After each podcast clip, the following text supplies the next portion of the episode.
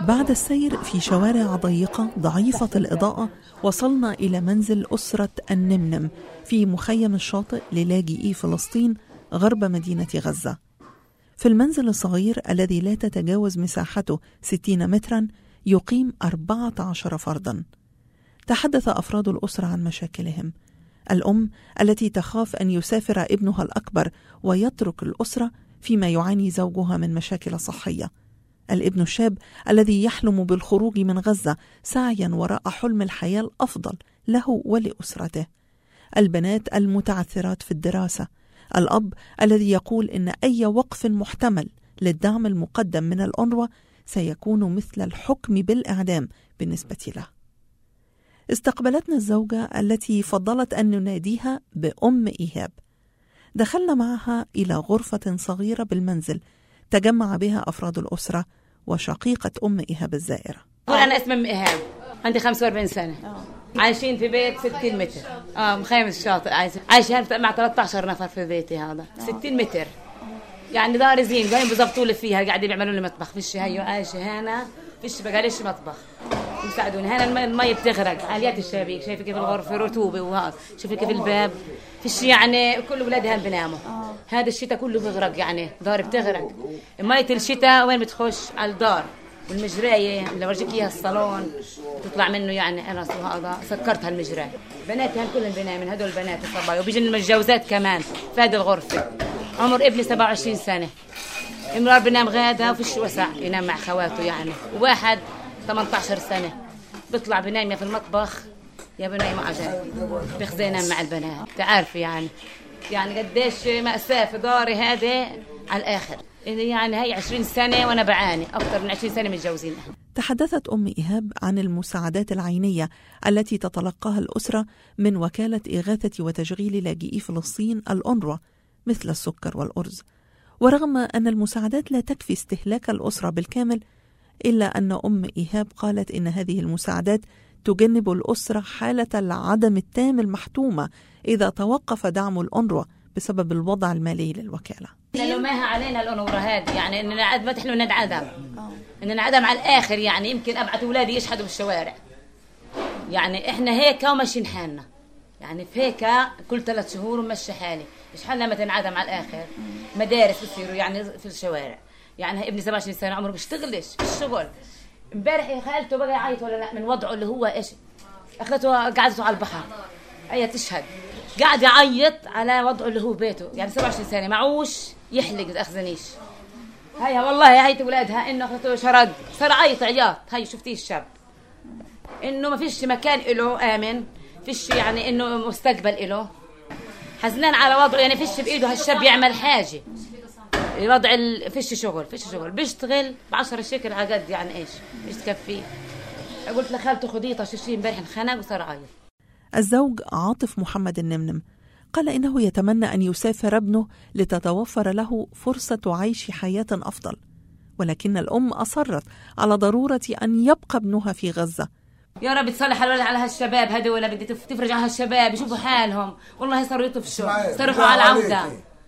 خذي ابني سفريه بس يعني شوفي صار صار مضايق يروح على العودة. هي من غزه بدي يسافر الحين بخليك تحكي معاه. نفسي اخليك تحكي بده يسافر إيش اعمل كلهم بيصير أنا بديش اياه بده يسافر ويسيب غزة. أنا بديش اياه يسافر. أنا هونش علي أنت عيان. افرض صار فيك شيء. منعوا في اولادي تتقتلش معي لو ما علي. لو ما علي لو ما انت بروح على المستشفى. أنا بديش اياه يسافر. أنا بديش اياه يسافر هي بدهاش أنا بدي أنا مش هين علي في ابني عشان نعمل مستقبل. يتغرب. طب أنت عييت منعوا إلى هو. لما يرجع ويرتمهن إلى هو. يعني أنا عشاني نادت الأم على ابنها إيهاب ليجلس معنا ويتحدث عن مشاكله. جاء إيهاب ووافق على إجراء الحوار بشرط ألا نلتقط له صورة أو فيديو.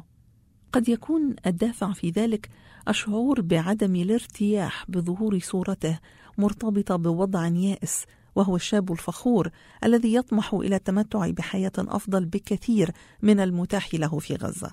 تعال بس تعال احكي معها في وضع البلد كل الشباب تعال تعال آه امرق لا مش فاتي ولا تصوير؟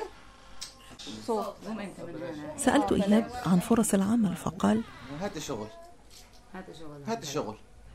يعني تو مهندس بقول لي بدي بكره تنزل معي على الشغل من السبعة الصبح للخمسة على 20 شيكل شايفة؟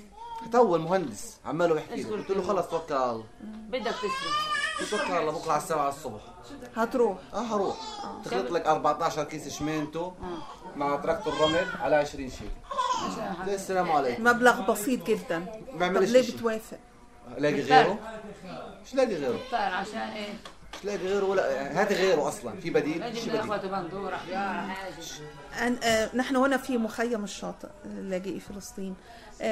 ماذا عن آه، أصدقائك؟ آه، في منهم اللي طالع وفي منهم النازل مش كل إجمالي. في مثلا أصحابي اللي معهم مصاري سافروا. اللي عيال في اليونان ولا في تركيا كلهم مسافرين أغلبهم. سابوا غزة. آه سابوها. شو بدهم فيها؟ أصلا غزة ميتة. معدل البطالة في غزة يقدر بخمسين في المئة. وترتفع النسبة بين الشباب لتصبح سبعين في المئة جيمي ماجولدريك منسق الأمم المتحدة للشؤون الإنسانية قال في حوار مع أخبار الأمم المتحدة إن سكان غزة يتمتعون بالقوة والقدرة على الاعتماد على النفس ولكنه أضاف Seven in ten youth don't have jobs.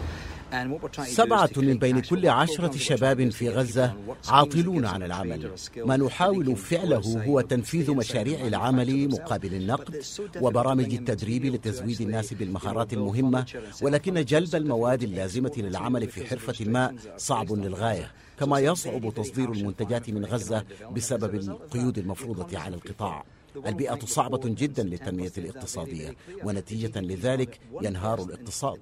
وهناك أيضا الوضع المالي الصعب للأونروا الناس عاطلون عن العمل أو يفقدون وظائفهم ولا يجدون المساعدات الكافية. كل ذلك يضيف مزيدا من الضغوط على البيئة الهشة والصعبة. الشاب إيهاب النمنم قال إن الانقسام الفلسطيني من وجهة نظره هو السبب الأول لما يحدث في غزة. وأعرب عن إحباطه واليأس من أن يتغير أي شيء رافضا الفكرة التي تخطر على بال والدته أحيانا بأن تزوجه لا لا لا ما عنديش فيش أمل 1% إلا 12 سنة لو بده يتغير يتغير زمان أصلا يعني عمره بدك- 27. 12 سنة هدول شو عملنا فيهم؟ شو عملنا؟ بتفكروا بجيزة؟ طب بعد الجيزة إيش؟ بعد الجيزة إيش؟ طب وين الشغل؟ بنت الناس إيش تعمل عندك؟ عيت ولدت انتكبت وين تروح هذه؟ إيش ذنبها هذه؟ فوق الهم همين؟ لا يا عم خليك زي ما انت. فوق اخواته خليك زي ما انت. وين بدك تروح؟ يعني لا، هيك 27 بدي. أحطه. لو بدي اجوزه طب وإيه الحل للوضع؟ إيهاب؟ أنا واحد من الناس الكل بيهاجر. يطلع من غزة يسيبها اللي فيها هذا ما ضلش فيها غزة. أنتوا الله. امواتكم وأهاليكم. الأب عاطف النمنم قال إن توقف الدعم المقدم من الأونروا إذا حدث يعني الإعدام بالنسبة له. أنا مسؤول على البيت هذا شايفها هو يعني مريض. أنا عيان عندي جلطة في المخ عملت عمليتين في القلب وعندي غضروف وعندي مشاكل في الكلى. دواء بطل يجيبوه حتى في الوكالة السويدي. بروح بدي دي بتاع الصيدلية صار يطردني بده مصاري. بقول له استنى على الشوم بقول له بقدرش استناك كل أربع خمس أشهر.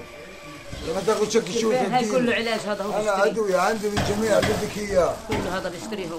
طب إيش أعمل في الحل هذا أنا؟ كله هذا هو هيك. شايف كيف الظهر هذا هي للحمة البحر المتوسط بياخذ الجمعية. الجمعية ساعدتني في التظبيط تدلف علي. تدلف عليه ساعدوني غيروا زينجو حطوا لي زينجو. زينجو؟ ما فيش اعمل؟ ما. عنديش بدي على بجرة غاز ما إيش على بجرة غاز بدي أشتري بندورة ما أشتري والله ما في. 2 شيكل صارت بندورة اليوم. بدي سيرج ما عندي سيرج. طب إيش أعمل؟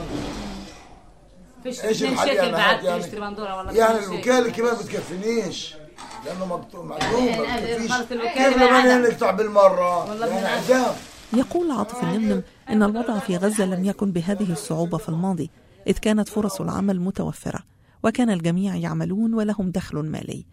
كان النمنم يجد من يساعده إذا احتاج لاقتراض مبلغ من المال ولكن الآن الأزمة تطال الجميع كما قال. الابنتان نسمة وشمس النمنم رسبتا في الشهادة الثانوية. وفي كل الأحوال يقول والدهما إنه لن يتمكن من تحمل تكلفة دراستهما الجامعية. يرى الشاب إيهاب أن الحل الوحيد لمشاكله هو السفر بعيدا عن غزة. فصارعت والدته بانتقاد فكرة السفر. وفي إطار حديث إيهاب عن أهمية المساعدات المقدمة من الأونروا للاجئين قال إنه يتمنى أن يتمكن من الاستغناء عن المعونة إذا توفرت له فرصة عمل. أنا عندي أمل. أنا عمري ما حياتي ما يئست من الدنيا. بتعرف والله جبل.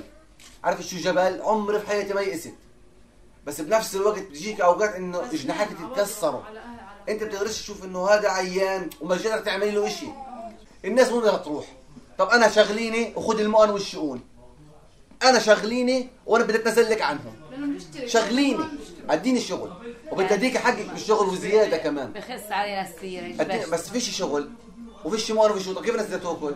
كيف بدها تعيش؟